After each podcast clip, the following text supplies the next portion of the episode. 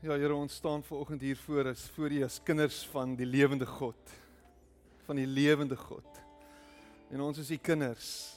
En ons is veilig in U hande. En U is lief vir ons. En niks kan ons ruk uit die greep van liefde nie. Niks kan ons skei van die liefde nie, Here. En dankie dat U ons ver oggend omarm. Styf vashou in U bors. En ons herinner daaraan dat ons aan U behoort dat U ons losgekoop het, dat U die losprys betaal het vir ons. Dat ons nie meer gevangenes is nie, Here. Dat ons vrygemaak is, losgekoop is deur die bloed van die lam. En vanoggend staan ons hier voor U kinders van die lewende God. Dankie daarvoor. Here, ek bid dat U vanoggend by elkeen sal stil staan. Elkeen wat vanoggend hier is, watter kwelling en watse watter watter kwessies daar ook al mag wees, vanoggend Here kom ons Ons gee dit vir U. Ons lê dit voor U voete neer. Here, ons erken vanoggend en ons bely dat ons nie sonder U kan nie. Dat ons U nodig het. En ek bid dit in Jesus naam. Amen. En amen. Baie dankie. Jy mag jou sitplek neem.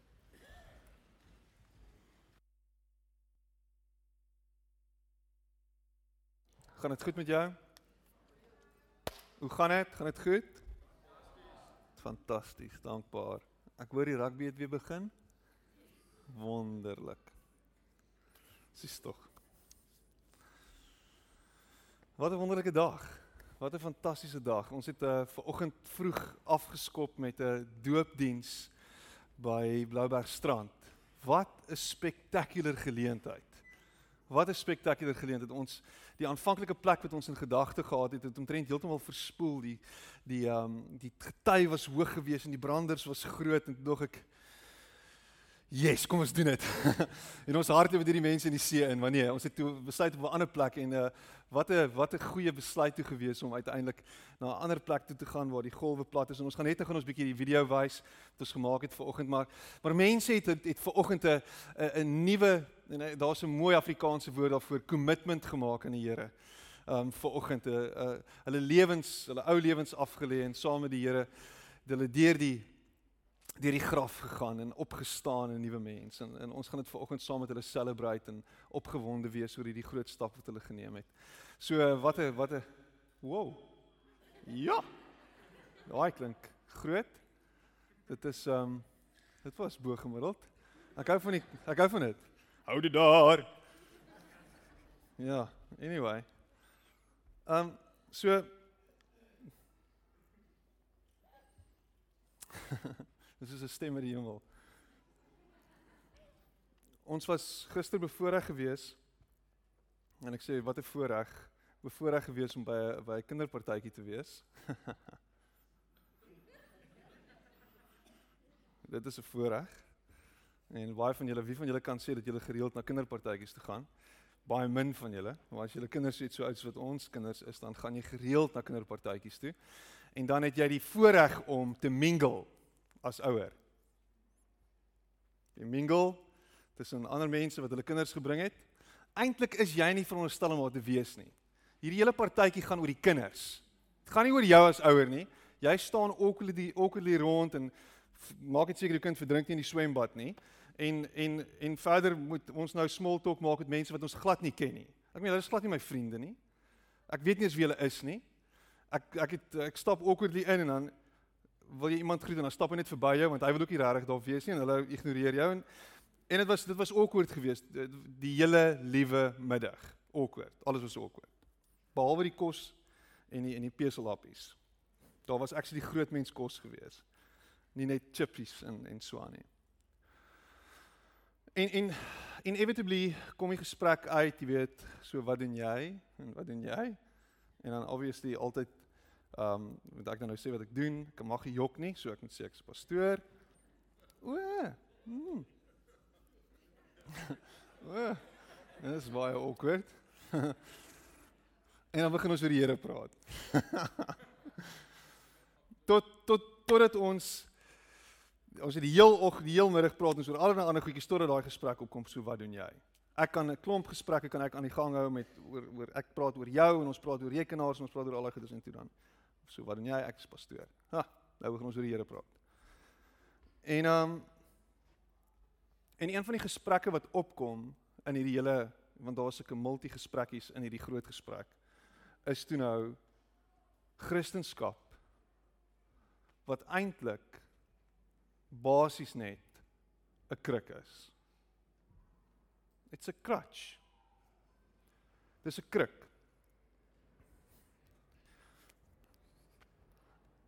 En en dit word so half uitgesit en in in neergelê en en dit is so half Christens Christendom is 'n kruk en so redeneer met my daaroor.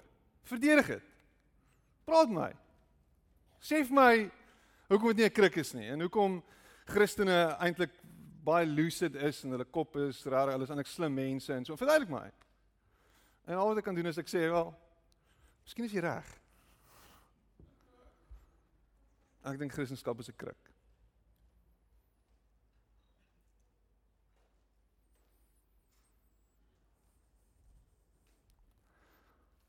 En in retrospek as jy terugkyk na die gesprek en dink jy jouself, "Ag, oh, ek kon seker ek kon seker van hierdie kant af probeer redeneer het en ons kon seker so gepraat het en dan so deur en oor en uh, ons kon intellektueel probeer wees het en ek kon slim probeer klink het en so aan, maar ek dink nie ek is slim genoeg nie, so toe sê ek maar net jy's reg." En dit is die einde van die gesprek. Want Christendom is 'n kruk. En dit dit herinner my aan 'n groot denker uit die vroeë 20ste eeu wat dit gesê het, né? Nee? Wie het dit gesê? So opium vir die volk. Dat jy beter voel. So Marx wat dit gesê het, né? Nee? En en verder in hierdie gesprekke, daar daar nog allerlei ander gesprekke ook gegaan en een van die een van die een van die gesprekke was uh ja, ek het ek het besluit ek gaan hierdie hierdie drak begin gebruik. En ek is so half what? Ja, ek het iemand gekry wat my magic mushrooms kan verkoop en so aan. En ek is wat het nou gebeur?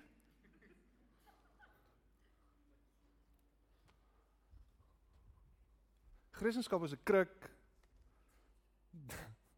Magic mushrooms, drugs. Kinderpartytjie. Incredible.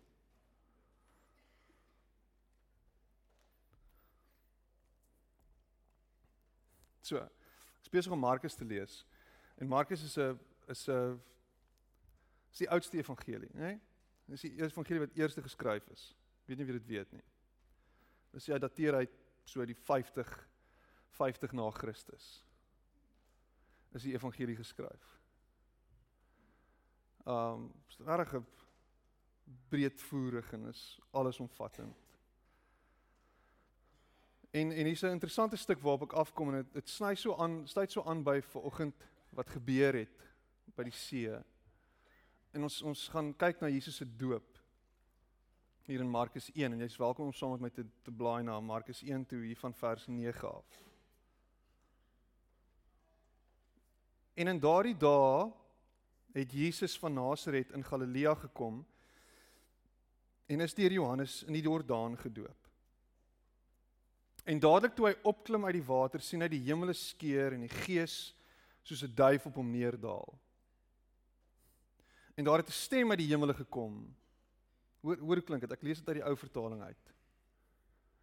U is my geliefde seun in wie ek welbehaag het.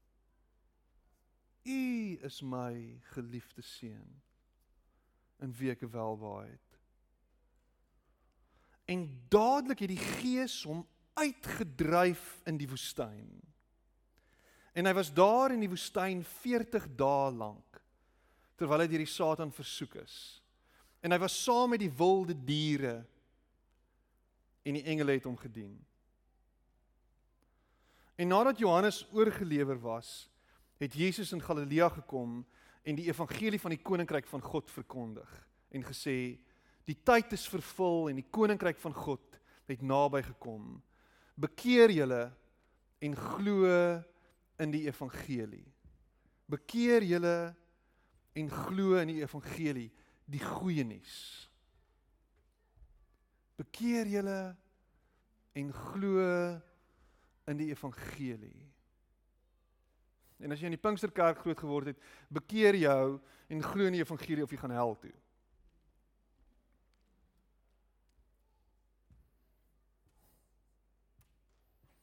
Maar hierdie is 'n is 'n baie interessante stuk en jy sal hierdie stuk sien in die ander evangelies ook, in Lukas en Matteus. Kan jy gaan lees daaroor. Maar maar die ander evangelieskrywers skryf dit meer kleurvol en beskryf dit wat daar gebeur het meer kleurvol. Ons daar's 'n bietjie meer van 'n daar's daar's bietjie meer bietjie meer volume daarin. Bietjie meer bygesit. Is Markus asof hy net so half hy sit net die feite so neer. Hy sit dit net so neer. Jesus is deur deur Johannes gedoop in die ander evangelie dan dan kom Jesus aan en Johannes sê hier is die lam van God. En dan sê hy ja, dan sê Jesus ek wil gedoop word, jy moet my doop. Dan sê hy nee, ek is nie waardig om jou gedoop om jou te doop nie. Jy moet my doop. En en en dan word hierdie gesprek gevoer en dan uiteindelik word Jesus gedoop en dan is daar 'n stem uit die hemel en dan sal die stem hierdie is baie interessant sê by in in Lukas sê dan sê hy dit is my geliefde seun. So asof hy 'n verklaring maak aan die res van die mense wat daar is. Kyk hier is my ge, my geliefde seun. In in in Markus dan sê hy U is my geliefde seun. Is asof hy in daai oomblik vir Jesus sê onthou wie jy is. Onthou wie jy is. Moenie vergeet dat jy myne is nie. Is dit nie mooi nie? In die ou vertaling sê u so so hoogdrawende woord. Maar dis dis jy. Jy is myne. Jy is myne. En as jy die evangelie deel maak van jou lewe en as jy glo in die evangelie, die goeie nuus, die goeie boodskap, dan word jy deel van hierdie familie. Dan is jy nie meer langer 'n slaaf van vrees nie. Jy's jy's vry van vrees. Jy's vry van van al hierdie goed wat jou kan verswelg en jy word deel van die familie. Jy word 'n seun en 'n dogter van die lewende God. 'n Kind. En dan sê dan sê die Vader vir jou vanoggend jy is my geliefde seun. En jy is my geliefde dogter.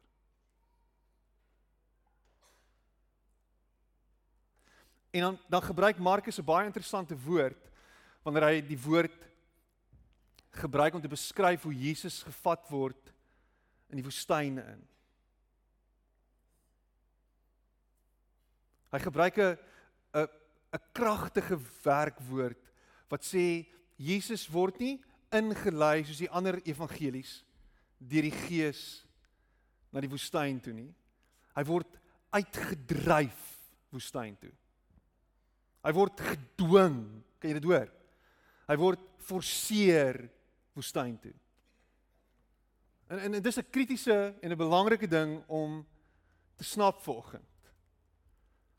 In die ander evangelies kry jy die gevoel Jesus word gelei asof die Gees voor hom uitstap of hom aan die hand vat en hom saam met hom nooi en sê jy gaan nou woestyn toe. Jy gaan nou woestyn toe en daar gaan jy wees vir 'n paar dae, vir 40 dae, 40 natuurlik nê, nee? 40 dae, 40 jaar, 40 sim ryk simbolieke woord wat verduidelik hoe hoe lank dit kan wees. Alles is 40 40, 40 jaar in die woestyn en Jesus gaan 40 dae woestyn toe. Maar in hierdie geval word hy gedryf woestyn toe. Hy word gejaag woestyn toe.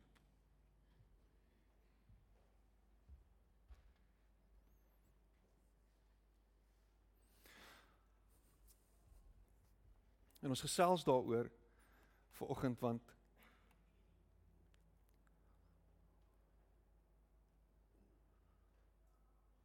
apparently is Kaapstad besig om 'n woestyn te word. Ek weet nie of jy dit weet nie. Hulle sê ons is besig om te verander as gevolg van klimaatsverandering en jy hoef nou jy hoef nie daaraan te glo klimaatsverandering nie. Donald Trump glo nie daaraan nie, maar jy hoef ook nie. Maar hulle sê Kaapstad is besig om te verander en terug te verander in 'n woestyn. So dit gaan 'n woestyn word eventually. Ons sal nou nie hier wees om te sien nie. Maar maar die ding van die woestyn is dit is 'n dis 'n onherbergsame dorre plek, nê? Nee? Dis 'n dis 'n dis 'n gevaarlike plek. Dis 'n plek sonder hoop en sonder lewe. Dis 'n plek waar jy kan sterf aan aan blootstelling. Net die Engels is exposure. Jy kan jy lê buite in die in die in die, in die oopte en die wind skroei jou en en en, en daar's nie daar's nie daar's nie water nie en daar's nie plante nie, daar's nie daar's nie skuilings nie, daar's nie daar's nie skade weer nie. Jy's heeltemal exposed. En as jy in, in Israel al was, dan sê jy weet dat Israel is basies een groot woestyn.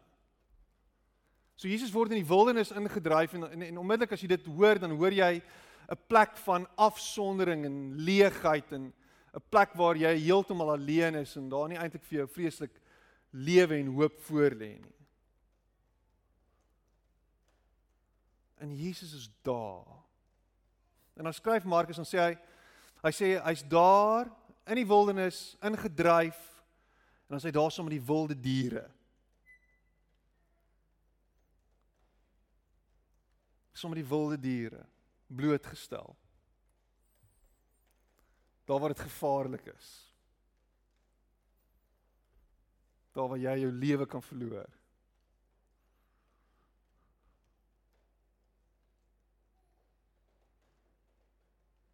Maar die engele het na hom omgesien. Die engele het hom gedien. Die engele het hom versorg.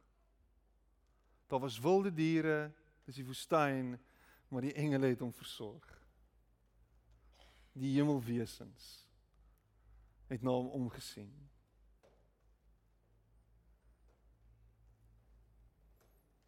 Ek weet waarmee jy besig? So miskien is jy in 'n woestyn. Miskien is dit waar jy jouself bevind op hierdie oomblik. Miskien is dit waar jy gaan. Miskien is jy nou al 30 dae in die woestyn. Miskien is jy al 40 dae in die woestyn. Ek het 'n ek het ek het 'n paar persoonlike stories vandag om te vertel. Woestyn stories. In die een storie het ons het ons diep geruk hierdie week. Uh my sussie bly in Kanada. En uh, ek het nie vir haar gesê ek wil hierdie storie deel nie. Ek ek het 'n besluit ek gaan dit doen. Sy gaan teen teen dit op die podcast luister laaste later. So dit is 'n verrassing vir haar. Maar ons ek word Dinsdagoggend wakker met 'n SMS en is op ons familiegroepie gesit. Haai julle, ek wil net hê julle moet weet ons huis het vanaand afgebrand. Ons huis het afgebrand. En ehm um, dit lyk asof ons alles verloor het. Hulle het geëmigreer Kanada toe so 'n jaar gelede. En ehm um, die hele boonste verdieping van die huis is afgebrand. Hulle slaapkamers is verwoes. Die studeerkamer met al hulle rekenaars en al haar notas. Sy's besig om te studeer. Sy moet 'n oorbruggingskursus doen vir haar optometriegraad in Kanada sodat sy toegelaat word tot die raad van optometriste. Al aan sy moes in sy moet in in my maand skryf. Al haar notas is weg, verwoes. Sy's 'n fotograaf met rekenaars vol en harddrives vol fotos en materiaal. Hulle het alles hier verkoop en weggemaak en daartoe getrek met met hulle laaste besittings wat vir hulle iets beteken het. Dit is weg. Dit's gone. Dit lyk soos die woestyn daar. En die versekering hou nou die plek toe. Hulle kon nog nie ingaan om te sien wat is daar wat gered kan word en wat kan nie gered word nie. Hulle is in 'n woestyn ingedryf. Miskien is jou storie soortgelyk. Miskien het alles mooi geloop, alles het goed gegaan en die volgende oomblik.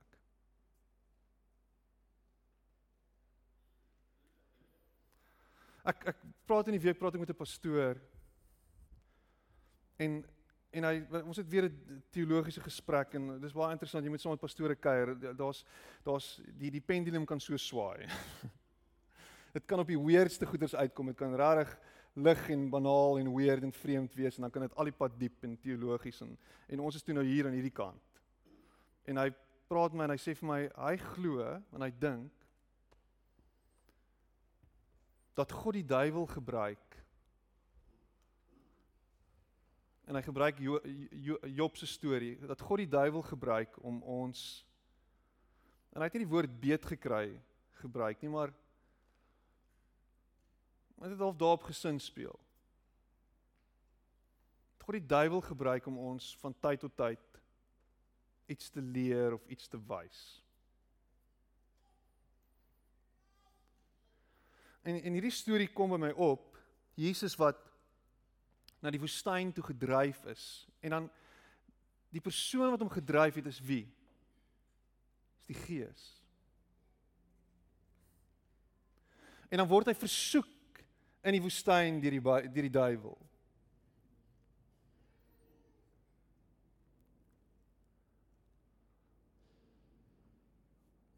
En die punt wat ek wil maak is is dat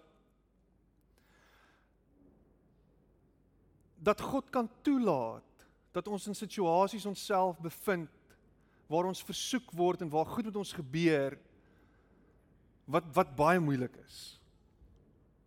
Wat nie lekker is nie. Wat wat aan ons kan kleef en wat ons ongemaklik maak. Wat ons kan devastate. En ons op 'n plek kan bring waar ons vir ons voel asof ons hoop verloor.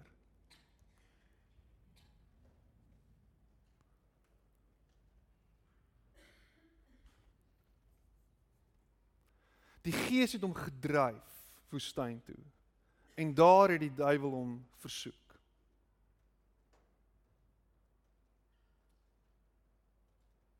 En God ons intentioneel vat op 'n pad en op 'n journey om uiteindelik op 'n plek te kom waar ons gekonfronteer word met Christendom nie net as 'n ideologie nie, nie net as 'n iets wat ons moet aanhang in 'n idee en hierdie pragtige mooi teorie nie. Maar waar ons in 'n plek onsself bevind waar al waar ons nou aan kan vashou is aan God. Al wat ons nou het is hierdie kruk. Wat sê dat hy ons gaan optel dat hy ons nie gaan los daar nie. Dat daar vir ons hoop is en dat daar vir ons uitkoms is. Dat ons aan die ander kant sal uitkom. Dis dis waarin ons vashou. En dat en dat dood die angel van die dood nie meer nie meer hierdie angel is wat ons vreesbevange maak nie. Van daai angel is getrek. Dit maak nie saak wat gebeur nie, dat God by ons is en dat hy ons hierdeur sal vat. En hierdie siklusse waarin ons onsself bevind is altyd dis altyd dood en opstanding. En Jesus se doop word word as ware aanvanklik word hierdie sy roeping word word daar bevestig. Dit is my seun en hy het nog niks gedoen nie en ek is lief vir hom net soos hy is. En uit dit uit uit sy identiteit uit begin hy beweeg en hy hy begin doen wat hy geroep is voor om te doen. Maar terselfdertyd word doop hierdie vooruitskouing van die dood wat vir ons voorlê en dan daarmee saam die opstanding wat kom.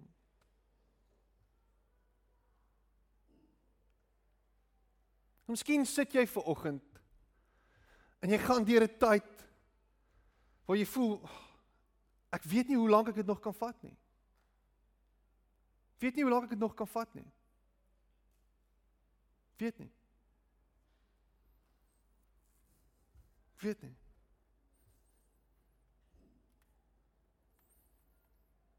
Is dit hoe dit is? Want ek het gedink Christendom is is die antwoord op al my vrae.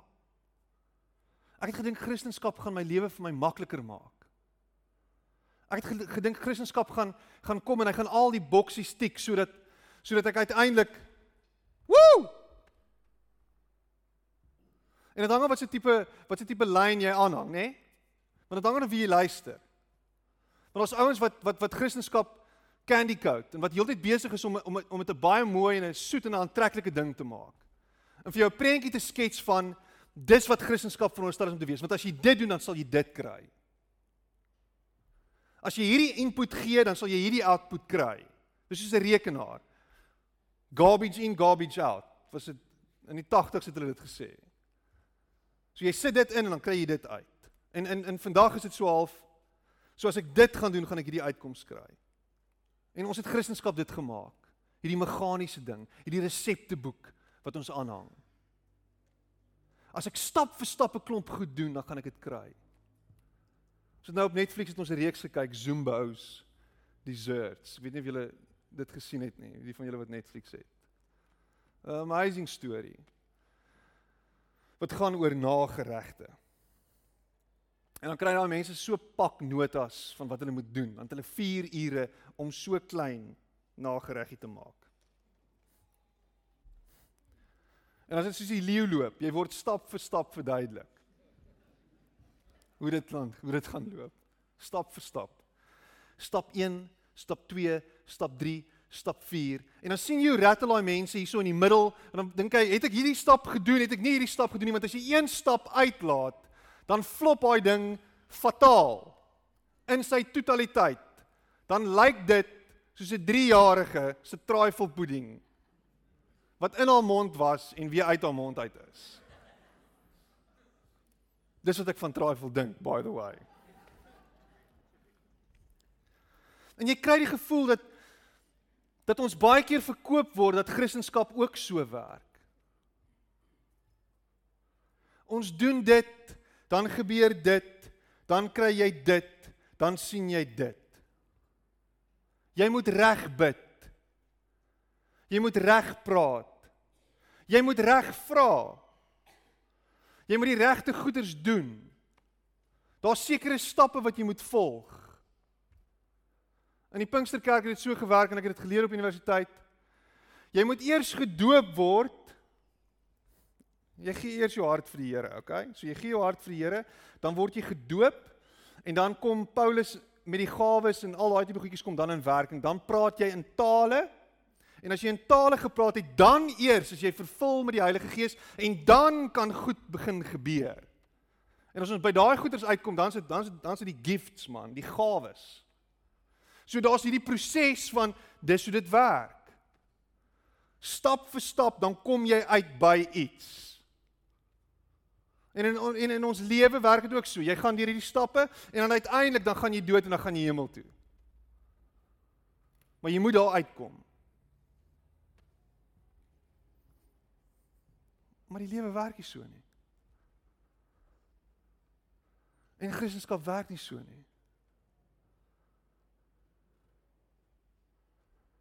Want Jesus sê kom volg my. Neem jou kruis op en volg my. Stap saam met my. Lei saam met my. Gaan hierdie goed waartoe ek jou vat. Dieselfde goed waartoe ek gegaan het. So Jesus het in die woestyn ingegaan en omdat hy in die woestyn ingegaan het en omdat hy deur die duiwel versoek is, hoef ek nie deur die woestyn te gaan nie. Nê? Nee? Ons hoor dit mos. Want hy het al ons sonde en hy het al ons goeders het hy op hom gevat. So ons het niks van daai goed nodig. Dit niks van daai goed gaan met ons gebeur nie. Niks van daai seer en daai pyn kom na ons kant toe nie. Ons as jy in die woestyn is, is daar fout met jou. Daar's fout met jou. Dis hoekom jy struggle. Daar's fout met jou. Dis hoekom jou huwelik so lyk. Daar's fout met jou. Dis hoekom jou finansies so lyk. Dis hoekom jou siege so lyk. Daar's fout met jou. Dis hoekom jy dis hoekom jy ongesond is. Daar's fout met jou.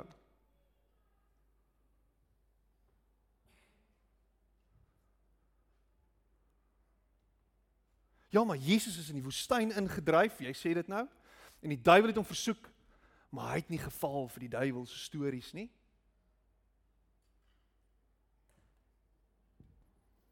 En omdat hy nie geval het vir die duiwelse stories dis hoekom hy aan die ander kant uitgekom het.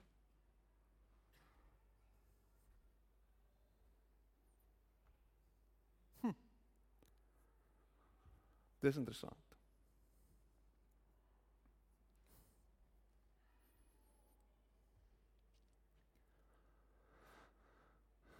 Jesus het uiteindelik dood gegaan.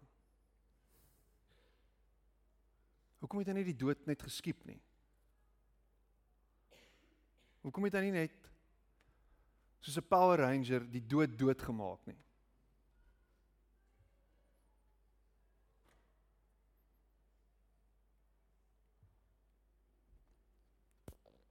Hoekom nie? Hoekom het hy nie net die dood dood gemaak nie? En hy word vir ons hierdie hierdie beeld. Hy word vir ons hierdie ding. Hierdie ver verhewe, hoog bo alles ding. Waarna ons kan streef. Of ons nooit sal uitkom nie.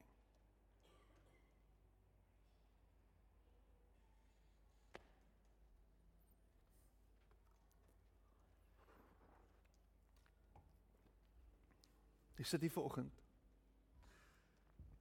En dinge is besig om in mekaar te val rondom jou. Jy is nie nie. Jy het alles verloor.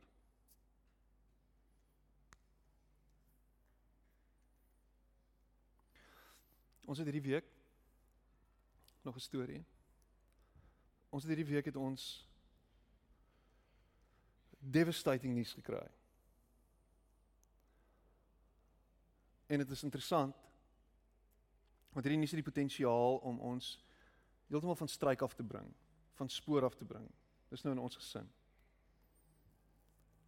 Lise het die afgelope tyd het sy vreeslik gegroei, baie lank geword.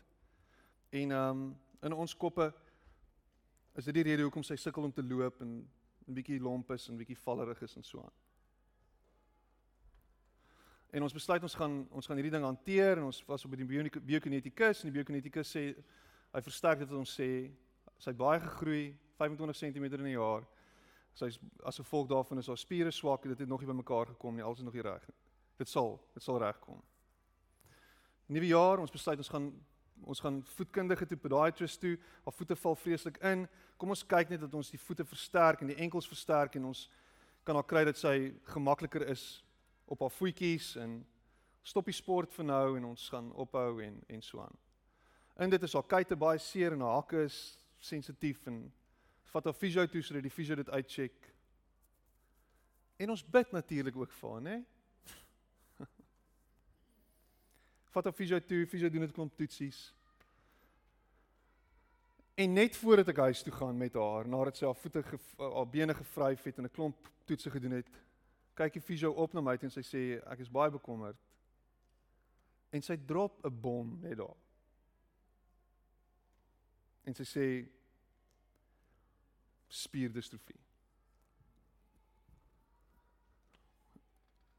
En ek is ek sê dis net jou opinie, nê? Nee.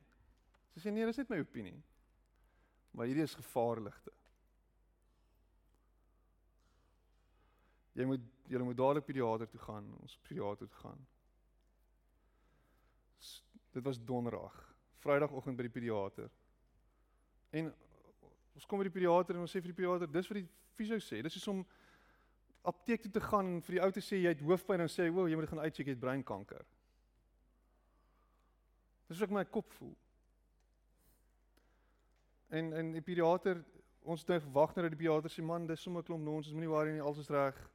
En die pediater begin die toetsies en al die goedjies en gaan deur alles. En gaan deur die emotions. En sy's nie besig om ons te laat beter voel nie. En ons word gestuur vir bloedtoetse. En al word nou 'n ander toetse opgestel. Ons het van die bloedtoetse al teruggekry, né? En die bloedtoetse lyk goed op die oomblik. En ek sê nie dit om sentimente te verwerk nie. Probeer nie julle emosioneel opsweep saam met ons nie. Dit gaan nie oor ons nie. Dit gaan net oor hier's ek. Ek probeer die Here dien. Ek probeer doen wat ek doen. Ons probeer 'n gemeente lei. En dit gebeur. En die punt wat ek wil probeer maak is, en ons is midde in dit. Ons sit binne in dit. Ons weet nie wat die ons natuurlik glo dat die Here alreeds daar is. Waar die diagnose negatief is. Ons is ons is reeds daar. Ons is klaar op daai plek waar ons dit ontken en sê dit gaan nie gebeur nie. Ons is daar. Ons is daar. Glo my, ons is daar. Maar ons is nog nie fisies daar nie. Ons moet nou eers daar kom. Ons is op pad daartoe. Ons is in die woestyn as we speak. Maar ons moet deur hierdie ding kom. En in die tussentyd, wat gebeur? Die engele sorg vir ons. Die wilde diere loop rond. Die goed wat rondom ons is, is besig om te knaag. Die goed is besig om vir jou te sê hierdie is die einde. Maar die engele sorg vir ons. En jy's plat en jy's in die grond en jy's op die grond en daar's nie vir jou hoop nie en jy weet nie hoe jy aan die ander kant gaan uitkom nie. Maar wat ek vir jou wil sê vanoggend is die Here het jou geroep. Die Here het jou geroep en sy woorde aan jou was in sy roeping aan jou was dit jy is my geliefde dogter. Jy is my geliefde seun. Jy is myne. Dit was sy roeping gewees. En dat ons veilig in sy arms en in sy hande gaan rus terwyl ons gedryf is in hierdie woestyn. Dit gaan gebeur. Ons hou vas aan die feit dat hy vir ons sal sorg. En dat ons aan die ander kant sal uitkom en dat die dood nie die laaste sê het nie. Want sonder Jesus het die dood die laaste sê. Sonder Jesus is die dood finaal. Sonder Jesus is 'n slegte tyding die finale ikabot wat geskryf word. Sonder Jesus is daar nie 'n uitkoms nie. En Jesus is nie net hierdie plan of hierdie idee of hierdie beeld of hierdie ideologie van 2000 jaar gelede nie. Jesus is 'n persoon wat in verhouding met my en jou staan. Wat sê ek is deur die woestyn, ek is deur die dood, ek het opgestaan, ek het die dood oorwin sodat jy kan lewe. Dis wat hy kom doen. En Jesus is nie net 'n voorbeeld waarna ons verwys nie, sodat ons kan sê, "O, oh, dis 'n morele lewe, dis iets waarna ons moet kyk, dis iets wat ons moet navolg. Hy is 'n voorbeeld van hoe 'n mens kan leef, hoe jy in die woestyn reageer en hoe jy optree. Dis nie net wie Jesus is nie. Hy's nie net 'n idee na wie ons kyk nie. Hy's nie net 'n argetipe vir vir hoop nie. Hy's 'n persoon. En hy kom en hy sterf en hy staan op. En omdat hy die dood oorwin, kyk sy disippels na hom toe en sê: "Wat? So nou jy gaan by ons wees vir ewig?" En hy sê: "Ja. Ek gaan by julle wees vir ewig, maar nie soos wat julle gedink het ek sal nie. Ek gaan by julle wees vir ewig deur my gees met julle te los en by julle by julle te wees voltyds binne in julle met julle. My genade met julle. My genade wat julle sal optel en julle sal dra en julle sal staande hou. Daai genade wat ek vir julle gee. Dis waarin ons vashou vir oggend. Is die hoop dat God is wie hy sê hy is, dat hy met ons is in ons donkerste oomblikke. In die tye waar ons nie weet wat die antwoord is nie. Waar ons nie weet hoe dit gaan uitspeel nie. Daar is hy met ons en is hy by ons. En hiermee wil ek jou los vanoggend. Jy mag voel asof jy in hierdie woestyn ingeboener is. Teen jou sin. Teen jou wil. En jy sien nie die uitkoms nie.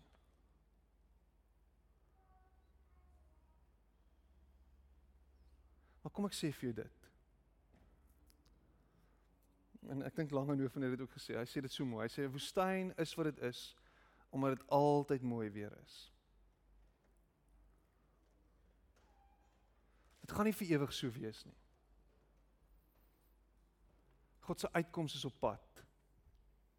Die deurbraak is voor die deur. Dis hoe dit werk. Sondag is op pad. Vrydag het gebeur. Jesus is dood, maar Sondag het ook gebeur. Sondag het gekom en opstanding het plaasgevind.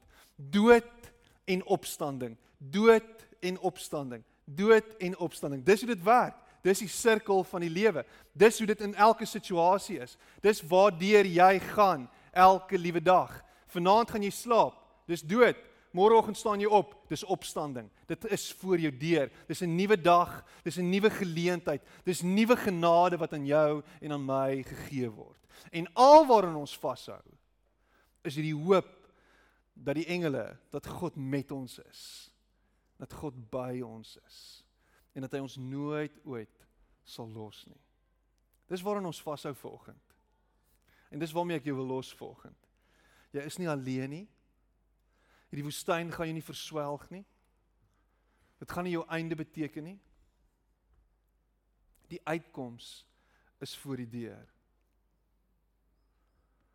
En na die 40 dae toe het Jesus uitgegaan en nadat Johannes oorgelewer was, het Jesus in Galilea gekom in die evangelie van die koninkryk van God verkondig en gesê: "Die tyd is vervul en die koninkryk van God het naby gekom. Bekeer julle, met ander woorde, draai om, stap in 'n nuwe rigting en glo die goeie nuus dat julle redder naby is. Dat die Messias hier is. Dat julle hoop vir 'n nuwe beter môre hier is. Kom ons sit net so en dan gaan ons saam bid.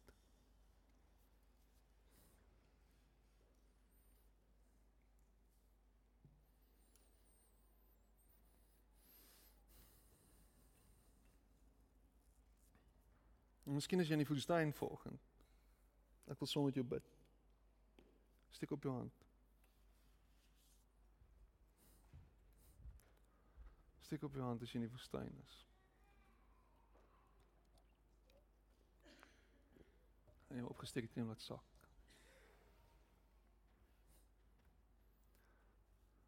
Here ons ons bevind onsself in 'n plek waar dit droog en dor is en daar min teken van lewe is. Maar die hoop is dat U by ons is. Dat U met ons is. Dat U nie ver van ons af is nie. En ons hou vas aan hierdie belofte dat U ons nooit sal los nie. En dat al ons bekommernisse, al ons vrese Here kan ons vir u gee. En as u dit vat, dan hoef ons dit nie te dra nie. Dan help dit nie ons probeer dit dra nie. Dankie dat u engele vir ons sorg. Dankie dat u ons versorg en dat u ons aan die ander kant sal uitbring. Dat dit nie die einde is nie, Here. Dat dit maar bloot die begin is. Dankie dat dood nie die finale sê het nie. Dat dood sy houvas verloor het. En dat deur U en in U is daar 'n nuwe begin en nuwe lewe. Here ons sit ver oggend en en ons skud net ons kop oor oor hoekom goed gebeur en waarom ons deur sulke goed moet gaan. Ons verstaan nie altyd nie. Here maar ons weet dat dat U besig is met ons, dat U ons nie los nie, Here. Dat U ons aan die ander kant sal uitbring. Dat dit wat aan ons gedoen is en dit wat teen ons tot stand gebring is, nie kan staande bly nie. U sal dit vernietig, U sal dit vertrap. Here, dat dood het nie die antwoord oor ons nie, die laaste sê nie, U het die antwoord en die laaste sê oor ons. Dankie dat ons kan vertrou op U elke oomblik van elke dag. En dankie dat U vir mense nuwe stories skryf vanoggend. Vir hulle 'n nuwe hoop gee. Nuwe lewe gee. En ek bid dit in Jesus naam. Amen.